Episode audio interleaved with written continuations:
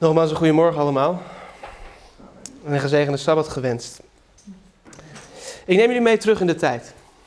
Zo'n 20 tot 30 jaar geleden.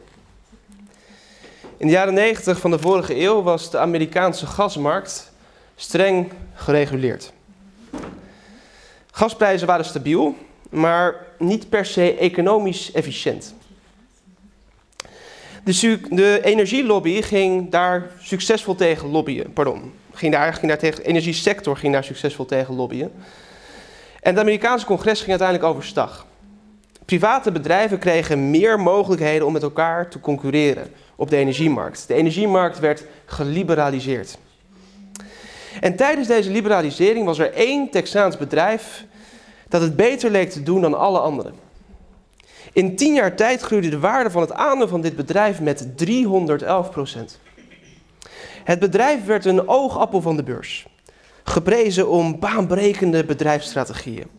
Indrukwekkende financiële resultaten.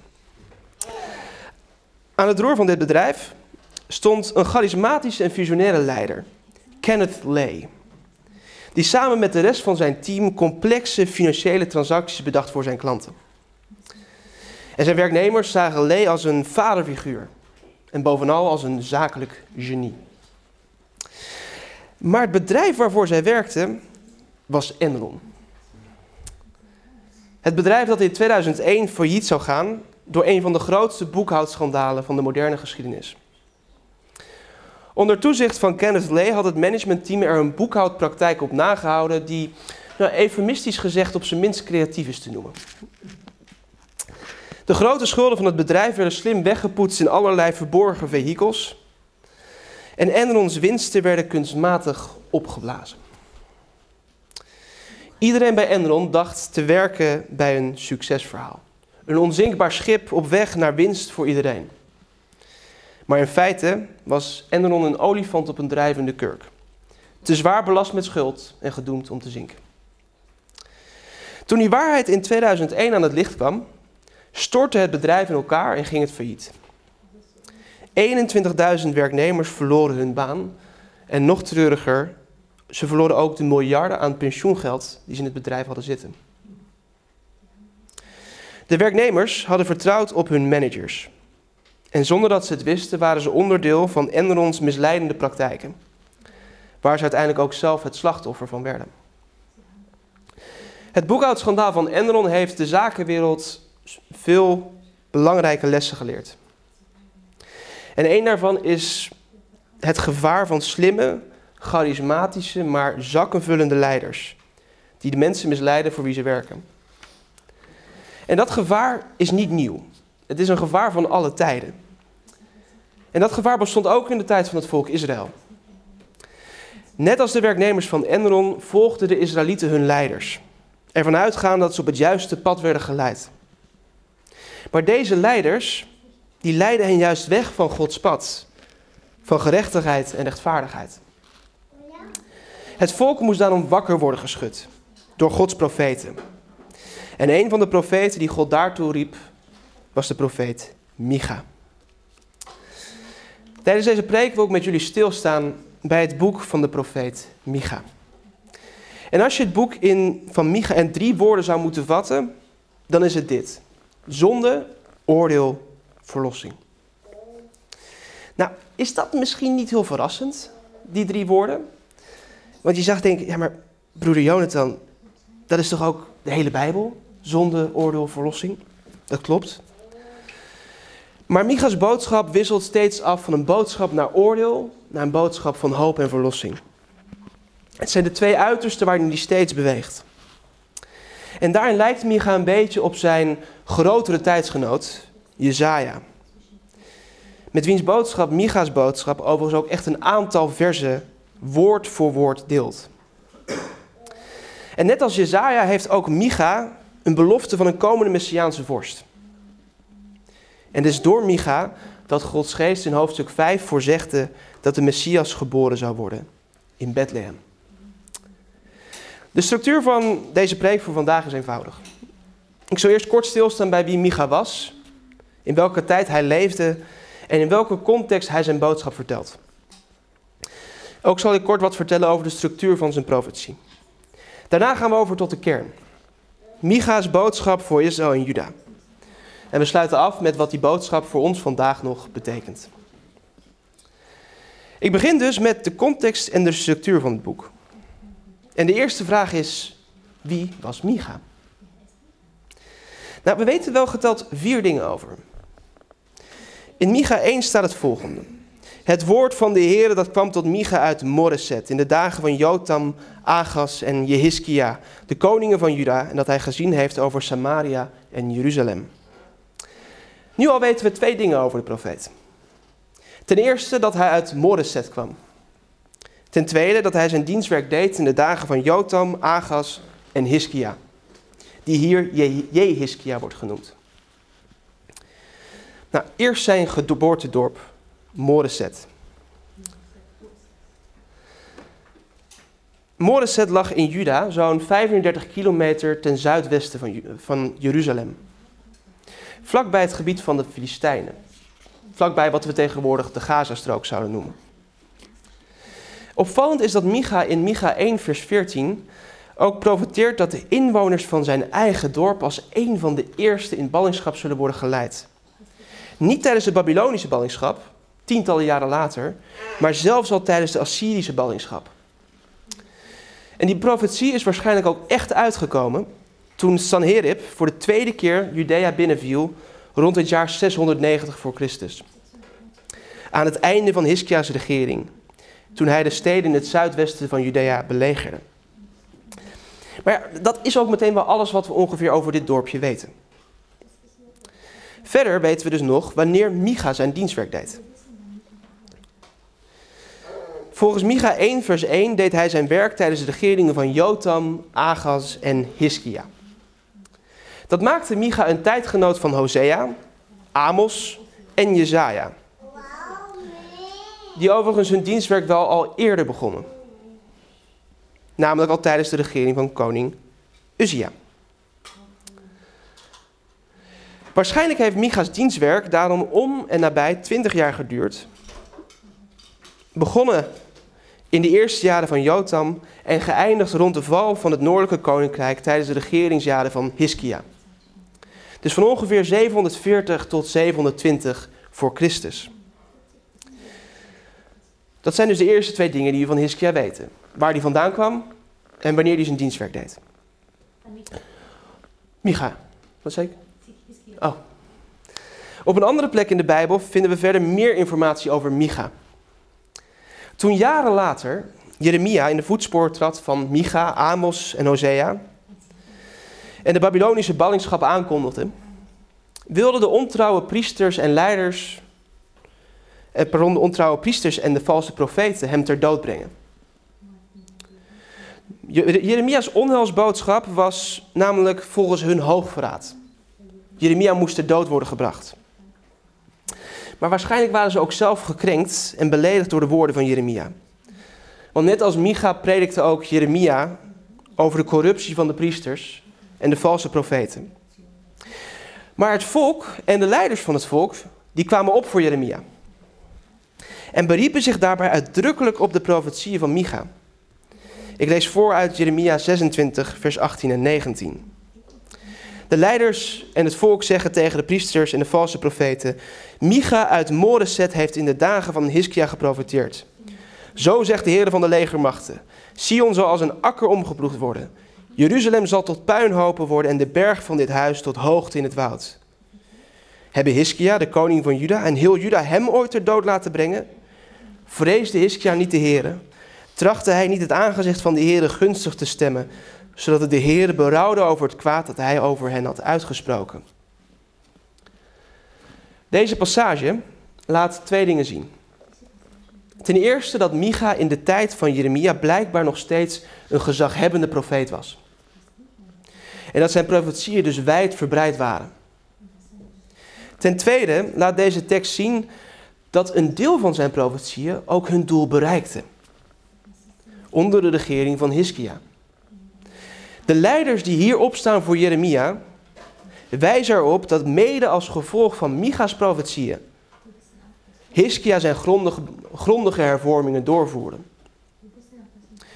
We weten dus niet alleen waar Micha vandaan kwam en wanneer hij ongeveer werkte, maar we weten nu ook dat hij voor Hiskia een belangrijke en invloedrijke profeet was.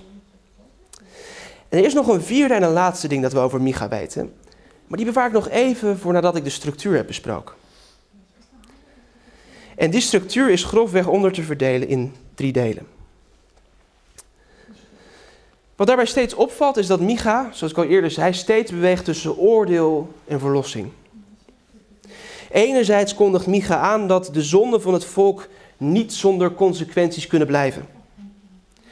Maar tegelijkertijd belooft God door zijn profeet dat hij zijn volk uit die verschrikkelijke consequenties zal verlossen. In het eerste deel, Micha hoofdstuk 1 en 2, staat Gods oordeel centraal. In haast apocalyptische termen, die ik zo meteen met jullie zal lezen, beschrijft Micha hoe God afdaalt naar de aarde om zijn volk te oordelen. En in enigszins indirecte bewoordingen laat Micha vervolgens blijken dat God zijn volk in ballingschap zal sturen. Maar ook dit deel eindigt met een belofte. Hoewel God zijn volk in ballingschap zal verspreiden, zal hij hen ook weer bijeenbrengen. In het tweede deel van zijn boek gaat Micha nader in op de oorzaak van Gods oordeel en de gevolgen van de corruptie van de geestelijke leiders. De sociale ongerechtigheid in de samenlevingen van Juda en Samaria. En tegen deze maatschappelijke ongerechtigheid, een samenleving die onrechtvaardig is, profeteert Micha over het koninkrijk van een komende Messiaanse vorst. Messiaanse vorst die volgens Micha geboren zal worden in Bethlehem.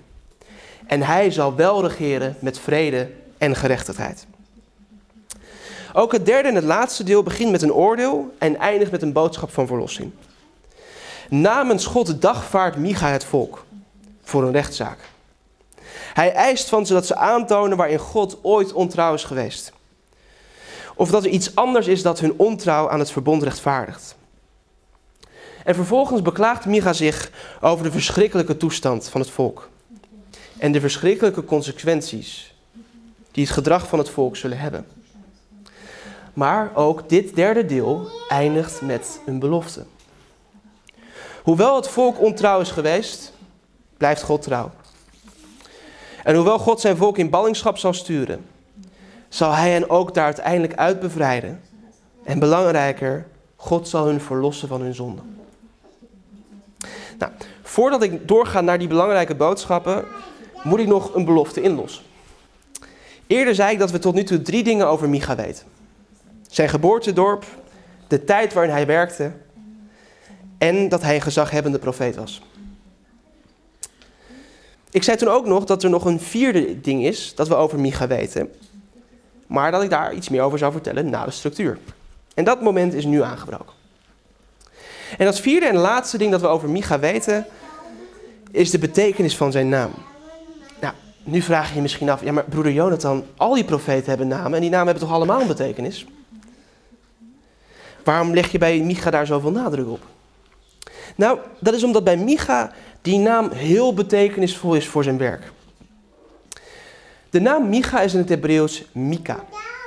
En is een verkorte vorm van de naam Mikaja. En die betekent wie is als Jehovah. Die naam is natuurlijk een lofprijzing op God. Wie is als onze God, onze schepper van hemel en aarde? Niemand natuurlijk. Wie is zijn gelijk in liefde, genade, gerechtigheid en macht? Geen één. Maar het is tegelijkertijd ook een uitdaging aan het volk. Welk van jullie afgoden is zoals de Heer, de schepper van hemel en aarde? We zullen overigens ook zien dat Micha aan het einde nog in een prachtige profetie zinspeelt op de betekenis van zijn naam. In het laatste hoofdstuk. En de toon van Micha's naam speelt overigens ook door in het eerste hoofdstuk.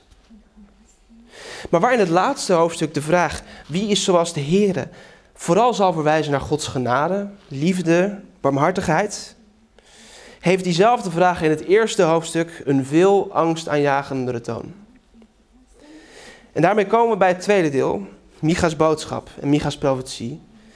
En die profetie die begint als volgt. Luister volk allemaal.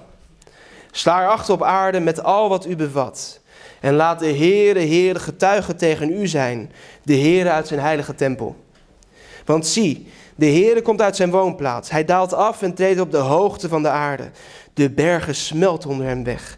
De dalen splijten als was voor het vuur, als water dat langs een helling vloeit. Dit alles is om de overtreding van Jacob en om de zonde van het huis van Israël. Wie is de overtreding van Jacob? Is het niet Samaria? En wie zijn de offerhoogten van Juda? Is het niet Jeruzalem? In beeldende termen beschrijft Micha dat God afdaalt vanuit zijn woonplaats om zijn oordeel te voltrekken over zijn volk. Wie de beschrijving van Micha leest, vraagt zich terecht af: wie is zoals onze God? Wat verder opvalt zijn de gelijkenissen tussen Micha's beschrijving en de beschrijving van, Micha in, van Mozes pardon, in Exodus. Toen God in Exodus 19 een verbond sloot met zijn volk, daalde ook God af met vuur, donderslagen en bliksemflitsen. En ik vermoed dat die parallel niet zonder reden is. Want in Micha 1 daalt God niet af om een verbond te sluiten, maar om zijn volk te veroordelen voor het feit dat zij datzelfde verbond gebroken hebben. En dat verbond met God en zijn volk vormt ook een rode draad door het hele boek. Gods verbond met het volk, bij Bestina ingesloten, maar ook het verbond met Abraham, het eeuwige verbond. Het is de rode draad die door de oordelen, maar ook de belofte van verlossing loopt, die het allemaal aan elkaar rijgt. In hoofdstuk 2 bespreekt Mincha vervolgens de oorzaak van de zonde, waarvoor Gods oordelen zullen komen. En een van die oorzaken van Israëls zonde zijn haar corrupte geestelijke leiders. In Micha 2, vers 11 en vers 6 schrijft de profeet: Als er iemand is die de wind naloopt en bedriegelijk liegt en zegt: Ik profeteer voor u voor wijn en sterke drank, dan is hij voor dit volk de profeet. En zij profeteren, profeteer niet. Ze moeten er niet over profeteren. En Micha zegt daarover: Er komt geen eind aan al hun smaad. Micha beschrijft hier hoe valse profeten bereid zijn om in ruil voor drank en geld een profetie te geven naar de wens van de klant. En net als de beleggers en medewerkers van Enron 20 jaar geleden, uit het voorbeeld waarmee ik begon, werd het volk door deze valse profeten kalm gehouden. Prachtige boodschap over vrede en geen gevaar. Het gaat allemaal goed, geen zorgen. Het volk volgde de valse profeten en zondigde erop los en hun geweten werd door diezelfde valse profeten gesust. Maar net als Enron was ook het volk in werkelijkheid een olifant op een drijvende kurk. Te zwaar belast met de schuld van hun zonde en gedoemd om te zinken in de consequenties van hun zonde. Tegelijkertijd dringen deze valse profeten er bij Micha op aan dat hij niet mag profiteren. Luister naar, naar die onheilsdoende boodschapper. Ze verkondigen dat juist hij het volk misleidt. En Micha zegt daar zelf over: er komt geen eind aan al die smaad. Ook in het hoofdstuk daarna, in Micha 3, vers 5 tot 8, bekritiseert Micha de valse profeten van Israël. En beeldend beschrijft Micha hier hoe iedereen die de profeten wat te eten geeft, te horen krijgt: vrede, vrede. Maar die weigert om de profeten om te kopen, die krijgt een boodschap van oorlog. Maar Micha vertelt dat die profeten niet door God geleid worden en dat ze beschaamd zullen worden. En terwijl zij hem het zwijgen proberen op te leggen, wordt hij wel door God geleid. Hij schrijft: Zo zegt de Heer tegen de profeten die mijn volk misleiden, die als zij met hun tanden kunnen bijten, vrede verkondigen. Wie echter niets in hun mond geeft, aan hem verklaren zij de oorlog. Daarom zal het nacht voor u worden, zonder visioen. De zieners zullen beschaamd worden en de waarzeggers rood van schaamte, want er komt geen antwoord van God. Maar Micha, ik daarentegen ben vol van de kracht van de geest van de Heer, van recht en meldemoed, om Jacob zijn overtreding te verkondigen en Israël zijn zonde. Maar niet alleen de geestelijke leiders van het volk worden bekritiseerd. Door zijn profeet berispt God ook de wereldse leiders van het volk. In hetzelfde hoofdstuk, de vier versen ervoor. Daar staat: Toen zei ik, luister toch hoofden van Jacob en leiders van het huis van Israël. Behoort u niet het recht te kennen? Maar zij haten het goede en hebben het kwade lief. Ze stropen hun huid van hen af en hun vlees van hun beenderen. Ja, zij zijn het die het vlees van mijn volk eten, hun huid van hen afstropen, hun beenderen breken ze, ze uiteenleggen als in een pot, als vlees middelen in een keten, ketel. Dan zullen zij tot de Heere roepen, maar hij zal hun niet antwoorden. In die tijd zal God zijn aangezicht voor hen verbergen, omdat zij kwaad gedaan hebben. Micha maakt hier duidelijk dat een van de redenen waarom Gods oordelen worden voltrokken, de sociale ongelijkheid is in Juda en Samaria. En die sociale ongelijkheid is volgens Micha compleet doorgeslagen. Onder de wet van Mozes was het mogelijk dat er armoede en rijkdom waren. Maar het was Gods plan voor de samenleving dat de extreme uitersten werden vermeden. In Deuteronomium 15 staat er dat er zelfs geen armoede hoefde te zijn. En om extreme armoede te voorkomen had God een aantal sociale wetten verkondigd. Zo kon een land alleen tijdelijk worden verkocht. Ook slavernij, in die tijd het uiterste middel om van je, van je schulden af te komen, was bij het volk Israël een tijdelijke instelling. Bovendien werden alle schulden kwijtgescholden, één keer in de zeven jaar, tijdens het Sabbatsjaar. En God vermaande het volk zelfs dat ze niet vlak voordat dat Sabbatsjaar kwam, moesten weigeren om hun naasten in nood te helpen, uit angst dat hun schuld niet zou worden terugbetaald. Nou, hoewel God in Deuteronomium dus zei dat er geen armoede hoefde te zijn, zegt hij er in hetzelfde hoofdstuk wel bij dat er altijd armen zullen zijn. Want Gods volmaakte plannen worden gefrustreerd door onze onvolmaaktheden. Maar God had het volk vermaand: U moet uw hand wijd open doen voor uw broeder, de onderdrukte en de arm in uw land. Door egoïsme en menselijke hebzucht kwam er van Gods ideaal voor de samenleving weinig terecht. Volgens Micha was de toestand in Juda en Samaria eerder het tegenovergestelde. De armen werden onderdrukt en uitgeperst, terwijl de rijken steeds rijker werden. Een probleem dat zich ook nog steeds in onze tijd voordoet. Maar het is tegen deze achtergrond van een verre van ideale samenleving dat Micha de komst van een veel betere regering belooft.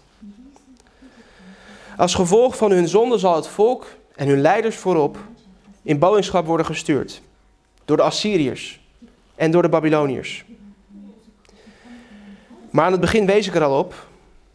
Het boek van Micha is een continue balans tussen oordeel en verlossing. En in hoofdstuk 4 en 5 staat dat tweede voorop. Nadat Micha in hoofdstuk 3, vers 12 heeft aangekondigd dat Judea, net als Samaria, compleet zal worden vernietigd, verandert zijn boodschap van oorlog en rampspoed van toon. Ik lees uit Micha 4, vers 1 tot 4. Het zal echter in de laatste dagen geschieden dat de berg van het huis van de Heere vast zal staan als de hoogste van de bergen en dat de volken er naartoe zullen stromen. Vele heidenvolken zullen op weg gaan en zeggen: Kom, Laten wij opgaan naar de berg van de Heere, naar het huis van de God van Jacob. Dan zal hij ons onderwijzen aangaande zijn wegen en zullen wij zijn paden bewandelen. Hij zal oordelen tussen vele volken en machtige heidenvolken vonnissen tot ver weg. En nu de mooie belofte. Zij zullen hun zwaarden omsmeden tot ploegscharen en hun speren tot snoeimessen. Geen volk zal tegen een ander volk het zwaard opheffen. Oorlog voeren zullen zij niet meer leren. Aan het begin van deze preek noemde ik dat er een passage is in Micha die vrijwel woord voor woord identiek is met een andere passage uit Jezaja. En dat is deze. Voor de liefhebber verwijs ik naar Jezaja 2 vers 1 tot 5. Waar dezelfde belofte van een vreedzame, godvrezende samenleving wordt verteld. Maar de kritische luisteraar naar Micha, die zou hebben gedacht, ja, maar nu heb ik corrupte leiders. Er is hebzucht. Hoe kan dit ooit werkelijkheid worden? Hoe dan? Prachtige beloftes van vrede. Maar kan dit ooit werkelijkheid worden? En die vraag beantwoordt Micha in het hoofdstuk daarna, in hoofdstuk 5. Hij vertelt, aan u Bethlehem Ephrata, al bent u klein om te zijn onder de duizenden van Juda. Uit u zal mij voortkomen, die een heerser zal zijn in Israël. Zijn oorsprongen zijn van oudsher, van eeuwige dagen af. Dit is niet zomaar een man. Dit is een man die ouder is dan de eeuwigheid. Hij zal staan en hen wijden in de kracht van de Heer, in de majesteit van de naam van de Heer zijn God. Zij zullen veilig wonen, want nu zal hij groot zijn tot aan de einde van de aarde. Hij zal vrede zijn. Op dit moment is er zoveel ellende in de wereld. Oorlog in Oekraïne, in Israël en in Gaza, in Mali. En zo zijn er nog heel veel andere brandhaarden. Geweld, moord, uitbuiting, verkrachting, roof. Noem het maar op. Dichter bij huis zien we een verdeelde samenleving. Een groeiende kloof tussen arm en rijk. Wordt dat ooit beter? Hoewel ik het met mijn hele hart hoop, zal het in deze wereld nooit echt beter worden. Zolang zonde in ons hart regeert, zullen egoïsme, lust en hebzucht het altijd winnen van naaste liefde, vrijgevigheid en zelfbeheersing. Maar Micha zag vooruit naar een wereld waar het anders kan zijn. Waarin mensen vrede en gerechtigheid lief hebben. Dit is de wereld waarin Jezus Christus de vredevorst regeert. Of in de woorden van Micha, hij zal vrede zijn.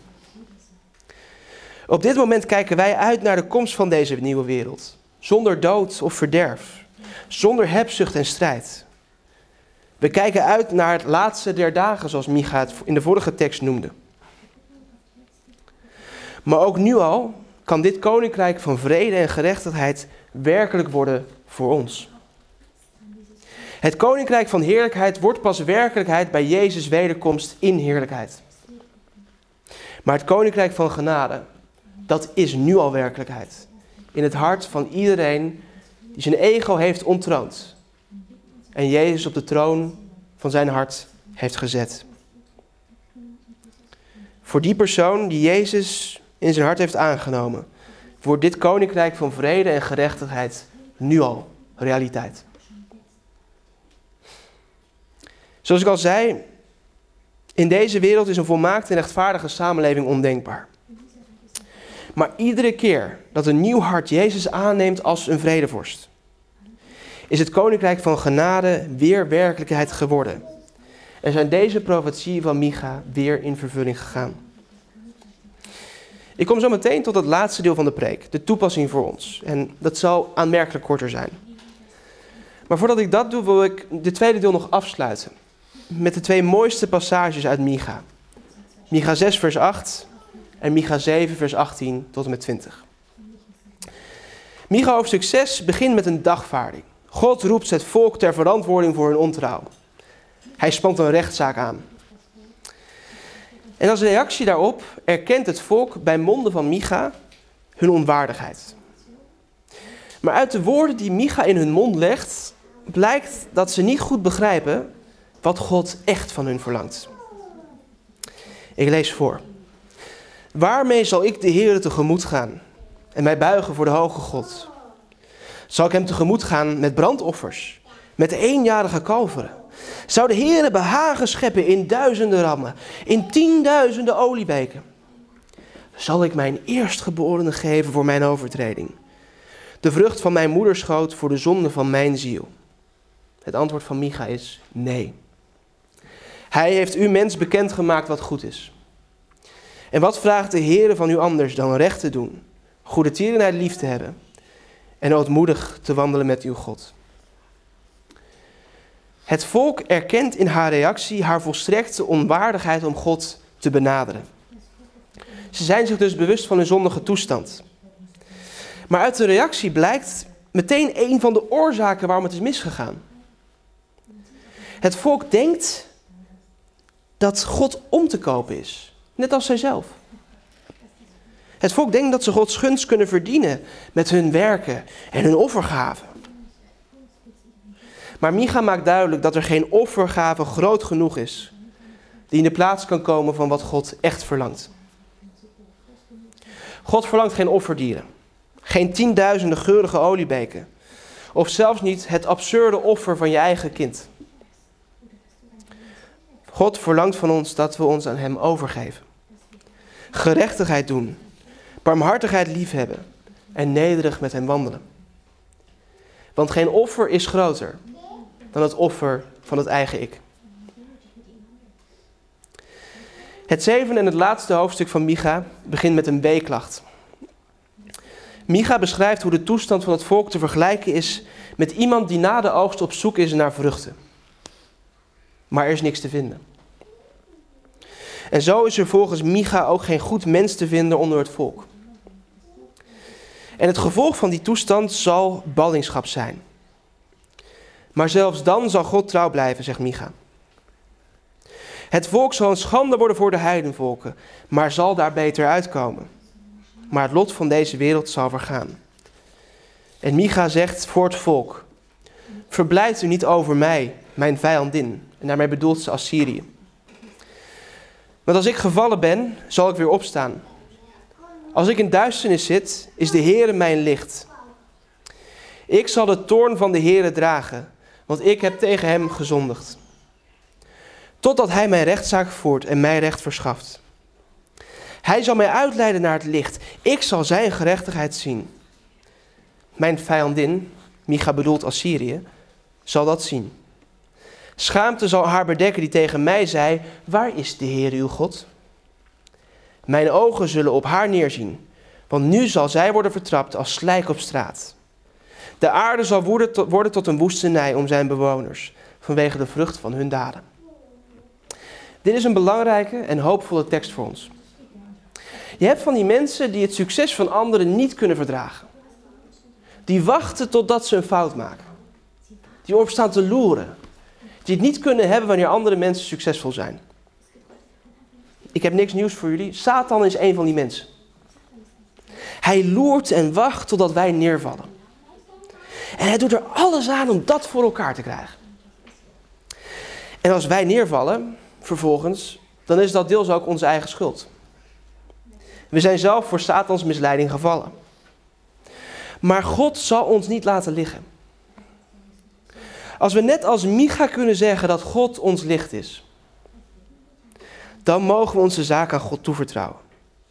Al zijn we gevallen in de modder van onze zonde, God zal ons eruit trekken en ons helpen weer op te staan. En die vergevingsgezindheid van God blijkt voor Micha wonderbaarlijk te zijn. En tot slot van dit tweede deel wil ik met jullie de belangrijkste en de mooiste tekst uit dit hele boek lezen. Een tekst die begint met een zinspeling op Micha's eigen naam. Die naam, wie is zoals Jehovah? En dat is de tekst uit Micha 7, vers 18 tot 19. Hij zegt, wie is een God als u, die de ongerechtigheid vergeeft, die voorbij gaat aan de overtreding van het overblijfsel van zijn eigendom? Hij zal niet voor eeuwig vasthouden aan zijn toorn, want hij vindt vreugde in goede tierenheid. Hij zal zich weer over ons ontfermen. Hij zal onze ongerechtigheden vertrappen. Ja, u zult al hun zonden werpen in de diepte van de zee. Wat een prachtige belofte is dat. Veel mensen die de Bijbel vaag kennen, die denken dat het uit twee losse delen bestaat. Een niet zo leuk deel, vol met geweld, harde straffen en een boze God. Het Oude Testament.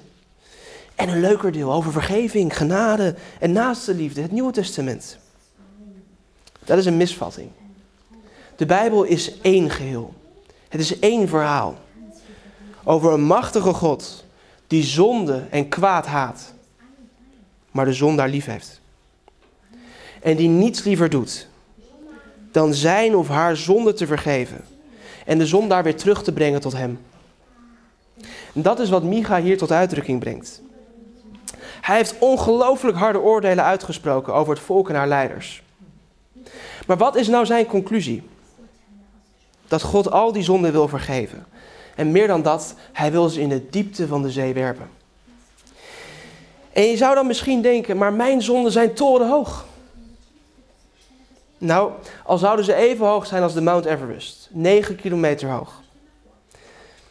Het diepste punt van de zee is met 11 kilometer nog altijd 2 kilometer dieper. En met Corrie ten Boom denk ik dat God onze zonde niet alleen in de diepte van de zee werpt. Ik denk dat hij er ook nog een bordje bij zet. Verboden te vissen. Als God je zonde vergeeft, dan zullen ze nooit meer boven komen drijven. Ik kom aan het einde van deze preek. En ik wil afsluiten met de vier lessen die we vandaag nog van Micha kunnen leren. Ten eerste dat we met Micha mogen constateren dat onze God geen gelijke kent. Voor de schepper van hemel en aarde wijken de zee, de bergen en de heuvels. En er komt een moment dat deze wereld geoordeeld zal worden. Dat God zal afdalen van zijn woonplaats. Jezus zal komen vanuit het heiligdom in de hemel. Net zoals Micha het zegt. Hij komt vanuit zijn tempel. En de apostel Johannes zag hem neerdalen op een wit paard, met ogen als een vuurvlam, gekroond met vele kronen en met legermachten van engelen in zijn kielzog. En met een tweesnijdend zwaard en een ijzeren, straf, ijzeren staf. Er komt een moment dat voor al het kwaad dat in deze wereld is gedaan, de rekening zal worden vereffend. En die dag die nadert snel. En na die dag zal er een nieuwe wereld gekomen zijn.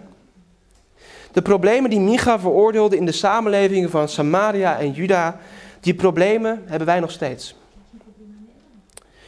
En de werkelijkheid is dat tot die dag dat Jezus terugkomt, die problemen nooit echt zullen verdwijnen. De ideale volmaakte samenleving is voor zondige mensen die worden geleid door hebzucht en egoïsme. Die is niet te realiseren. Maar iedere keer dat een ziel zijn ego verstoot van de troon in zijn hart en Jezus ervoor in de plaats op de troon zet, wordt die wereld van vrede en gerechtigheid werkelijkheid in die persoon. En komt het koninkrijk van genade weer een stap dichterbij. De derde les is dat ware godsdienst geen vormendienst is. Een waar geloof is een praktisch geloof. God verlangt van ons geen offers van grote, maar lege gebaren. Al geef je honderden duizenden euro's aan God. Al geef je miljarden. Al was je drie keer in de week. En bid je zeven, twintig keer per dag. Het is allemaal niets waard. Als het niet samengaat met een praktisch geloofsleven. In de woorden van Micha. En wat vraagt de Heer van u anders dan recht te doen? barmhartigheid lief te hebben en nederig te wandelen met uw God. De laatste les is de mooiste en de belangrijkste. Satan is een pestkop. Hij wil dat we vallen. En hij plaatst ook de val waar we in kunnen trappen. En als we dan vervolgens gevallen zijn, wijst hij naar ons hoe slecht en mislukt we zijn. Dat we zo stom waren om erin te trappen. En als hij ons eenmaal tot vallen heeft gebracht, wil je ook dat we niet meer overeind komen. Maar met Micha mogen we zeggen dat God ons licht is. Dat hij ons zal verlossen. En hoe groot de zonden ook zijn, waartoe Satan ons heeft verleid. Gods genade en liefde zijn altijd groter. Al zijn onze zonden hoger dan de hoogste bergen, God zal ze werpen in de diepere, diepste van de zeeën. En daarna plaatst hij een bord. Verboden te vissen. Amen.